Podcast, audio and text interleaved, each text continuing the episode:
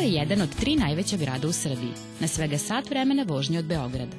Iako nije konkurisao za mesto najlepšeg grada u zemlji, kada bi takav konkurs postojao, sigurno bi osvojio Grand Prix. Lepim i otmenim čine ga i ljudi, koji su i u doba brze komunikacije sačuvali ravničarski mir i prirodnu ljubaznost. Dobrodošli u Novi Sad.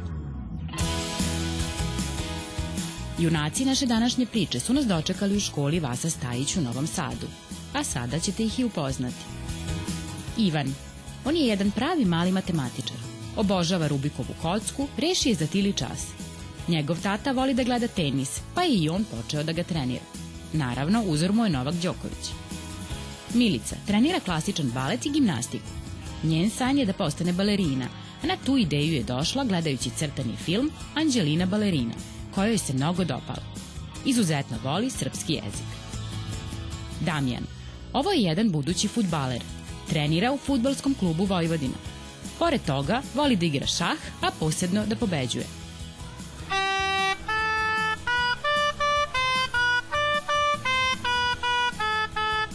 Sara ide u muzičku školu i svira obou.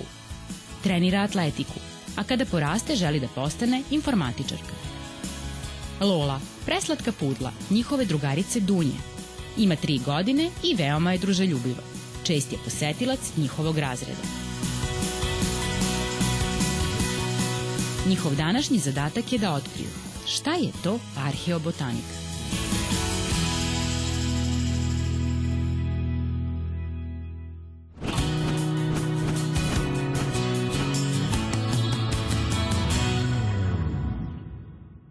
Ivane, šta ti misliš? Šta je to arheobotanika? Pa, reč arheobotanika zvuči na reč arheologija. Pa ja mislim da to znači istraživanje botanike. Milice, šta ti misliš? Šta znači arheobotanika? Ja mislim da arheobotanika znači možda e, neko istraživanje ili stara botanika, nešto slično. Ja mislim da je arheobotanika neka nauka o biljkama, da se proučavaju biljke. Ja mislim da te biljke više ne postoje, zato što nekako, to mi nekako zvuči kao stara botanika, pa kao stare biljke koje više ne postoje. Možda sada postoje, ali ne znamo. Onda je to postalo davno, onda su te vrste izumrle ili su jako redke. Ne znamo. Pa ja mislim da su one bile nekako zamišljam ih da su onako pošarene da imaju raznoliko lišće i da im stabljika nije samo zelene boje, već i neke druge. Mislim da je to možda neka drugačija vrsta, neki drugačiji oblik. Neka recimo lala ili tako nešto, nego nešto drugačije. Raskošnije, ne znamo. Pošto nikad nismo videli. Pošto mi nismo sigurni, hajde da pitamo drugare. Da li se slažete? Slažemo se. Hajdemo.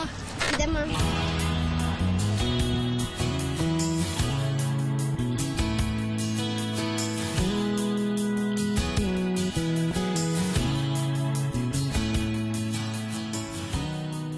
Dejane, šta ti misliš? Šta je to arheobotanika? Kao nešto s vodovodom. Barem ja mislim. Ja mislim da je to neki kao robot koji sam može da se pokreće i da on sam um, ažurira svoj sistem i tako dalje. Ja mislim da je arheobotanika neko istraživanje biljaka i prirode.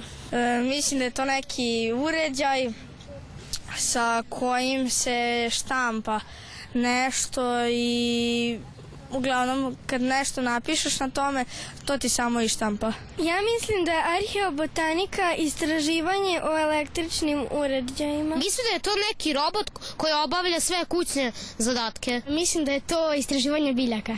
Ja mislim da je arheobotanika neki robot koji radi neke arheološke, arheološke istraživanja, na primjer traži neke fosile i ali uglavnom da je to neki robot. Anđela, da li možeš da mi kažeš šta je to arheobotanika? Ja mislim da je arheobotanika nauka o biljkama. Šta mislite? Da pitamo učiteljicu šta je arheobotanika? Može.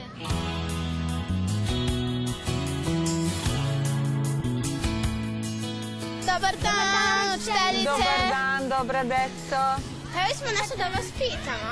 Izvolite. Učiteljice, e, želeli smo da vas pitamo da li vi znate šta je to arheobotanika? Mislim da znam. Arheo znači ispitivanje, a botanika znači trava ili biljka, što znači da se ta nauka bavi istraživanjem porekla biljaka od starih davnina.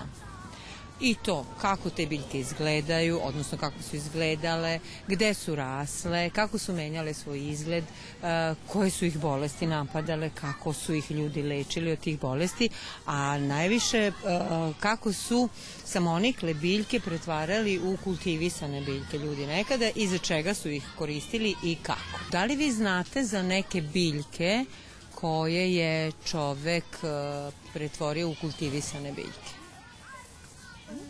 Možda mak, Dobro. Šta još? Znamo li još neke? lan, Da. Ka kakve su nekad bile biljke? Jel je bilo kultivisanih biljaka? Ne, Nego sve su bile kakve? Samonikle. I onda su ljudi, jer im se dopao njihov izgled i zapravo prvo ukus pa onda izgled, te biljke pretvarali iz samoniklih u kultivisane i gajili ih pokušavali da ih gaje i nešto im je uspelo, nešto nije. Postoji mnogo i dan danas postoji mnogo e, biljnih vrsta i podvrsta, ali neke biljke su čak i izumrle, ne postoje više. U našem gradu, u Muzeju Vojvodine, raste uh, upravo praistorijska bašta koju možete da posetite. Ona se nalazi uh, sa, spo, spoljne strane muzeja, odnosno može da se vidi sa ulice i tu mogu da se vide biljke koje su zasadili kustos i njegovi uh, saradnici u muzeju. I upravo se radi o, o biljkama koje o, potiču od praistorije pa sve do srednjeg veka na ovom ovde podneblju. Moram da vam kažem da je taj muzej, odnosno da je ta muzejska po, o, postavka jedinstvena u ovom delu Evrope i da je, preporučujem vam u stvari da je obavezno posetite da vidite to. E, super, super, divna učiteljica. Možemo otići tamo? Može. Dobar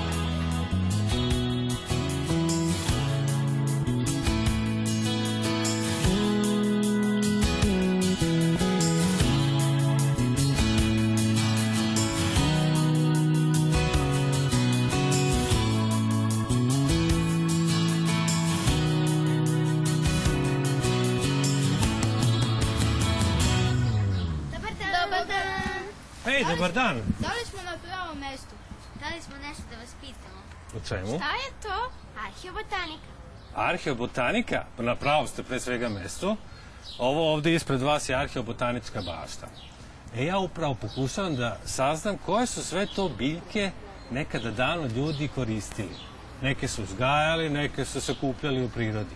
E, na primjer, ovo ovde što je sada plevim, to je jedna mahunarka koju su ljudi davno uzgajali. Ali ona može da bude i opasna. Zato uvek treba biti oprezan sa ovim stvarima i pitati arheobotaničara šta je jestivo i šta nije jestivo. Ej, ovaj, šta vi, vi mislite, o, kako ja znam koje su to biljke ljudi nekad uzgajali? Gde ja to nabavljam? Nemate predstavu? Ćete vam pokažem? Ajde, sad čekaj. Imam nešto ovde. Mislim da sam spremio za vas. Vidi ovo. Samo treba da otvorim da bi vi videli. Vidite ovo ovde? Da. Šta je to? Da se semenke. To su semenke, a one su... E, vidiš, crne su nekako. One su ugljenisane. E, na osnovu toga ja mogu da znam koje su biljke nekada ljudi koristili. Znači, mi idemo, ja idem na arheološke iskopavanja, tamo iskopavamo i tamo naiđemo na neki sloj koji ima puno ovakvih žit... Pa, arheolozi vole da kaže žitaricu, ja malo više kažem, tu su i mahunarke, tu su i korovi, tu su svako jake biljke unutra i na osnovu toga onda ja dođem ovde u baštu i onda posejem te biljke. Šta mislite sad kad bi ja ovo posejao? Da bi nešto niklo? Ne bi. Sigurni? Mnogi ljudi misle da stvarno ja ovde sejem ovo i onda da to onda posle nikne. Ne može to tako baš, ali da unutra ima nečega stvarno ima. A to je sada neka moderna nauka, mi ovde odavde vadimo neki drevni DNK i onda možemo da zamislimo, ne samo da zamislimo, da vidimo koje boje, na primer, cvet graška imao u praistoriji. Ozbiljno, to je stvarno moguće. E, a nekada davno ljudi su imali gra, jeli grašak, ali taj grašak je bio hm, pa ne baš toliko ukusan. Vidi kako je izgledao. To je divlji grašak. Vidi ovo. Šaren. Ja sam to jeo. Što vi mislite? Kako, kakav je ukus? Mm, Meni se uop- uopšte nije svideo, a pazi, kad sam to kuvao, boja u kojoj se ovaj grašak kuvao, prvo je bila ljubičasta, pa plava, pa plavo ljubičasta i na kraju crna. Meni se ovaj grašak uopšte nije jeo, ali u praistoriji ljudi su hteli i morali nekako da se prehrane. I to je bilo jako važno za njih da oni napune stomake, a sad da li je ukusno ili nije ukusno, to je njima bilo manje bitno. Ovo ovde što držim u ruci je, je pšenica, bravo! Ali ovo je jedna posebna vrsta pšenice. To se zove jednozrna pšenica. Na ovoj pšenici su odrasli naši pra, pra, pra, pra preci. I vidi sad ovako, ovaj klas se raspada. Vidi ovako.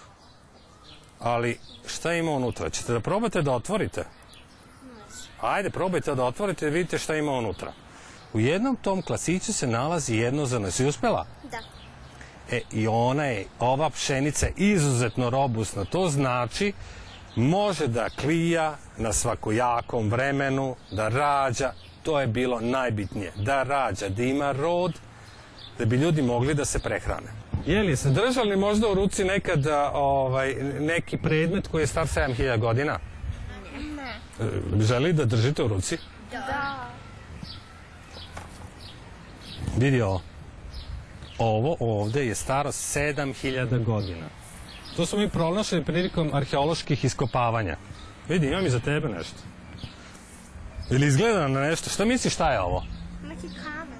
Nije kamen. Ja mislim da je to ne, neki deo sudova, ne? Posude, jeste. Od čega su pravili posude?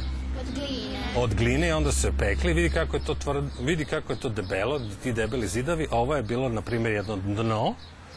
To što ti držiš u ruci, vidi kako si uhvatila odmah. To je drška.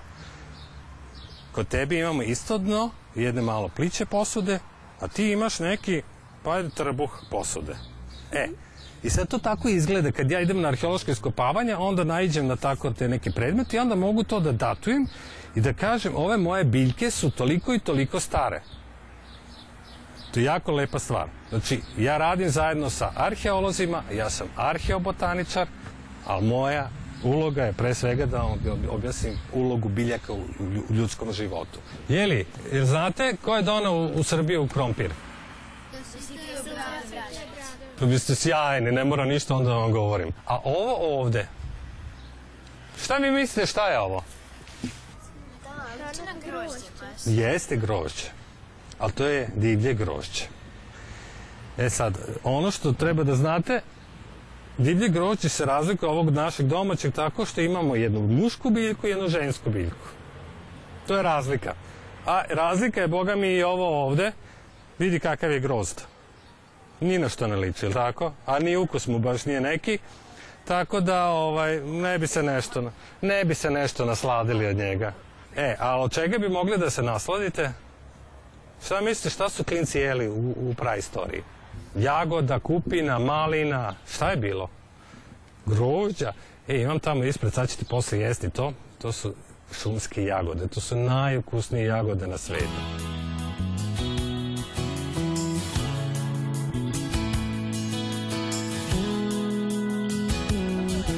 Baš su super.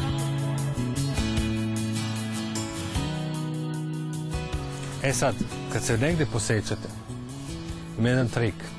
Uzmeš jedan ovako list ili dva, tri lista, sažvaćeš i to staviš na, na ranu i onda zaraste. Zato se zove hajdučka koristi, trava. Koristili su je nekada hajduci.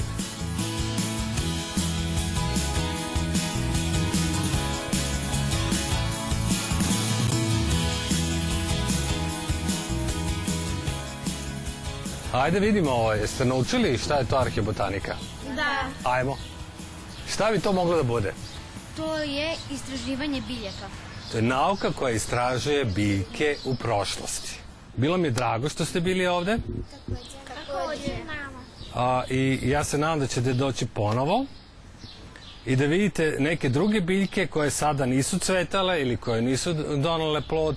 Znači, ovo će stalno da se ovaj, razvija i da bude, pa ja se nadam, sledeće godine će biti još veća bašta, tako da će biti još više biljaka koje ćemo ovde da uzgajamo zbog vas, zbog, zbog svih ljudi. Ja najviše volim decu, tako da deca ovde najviše uživaju.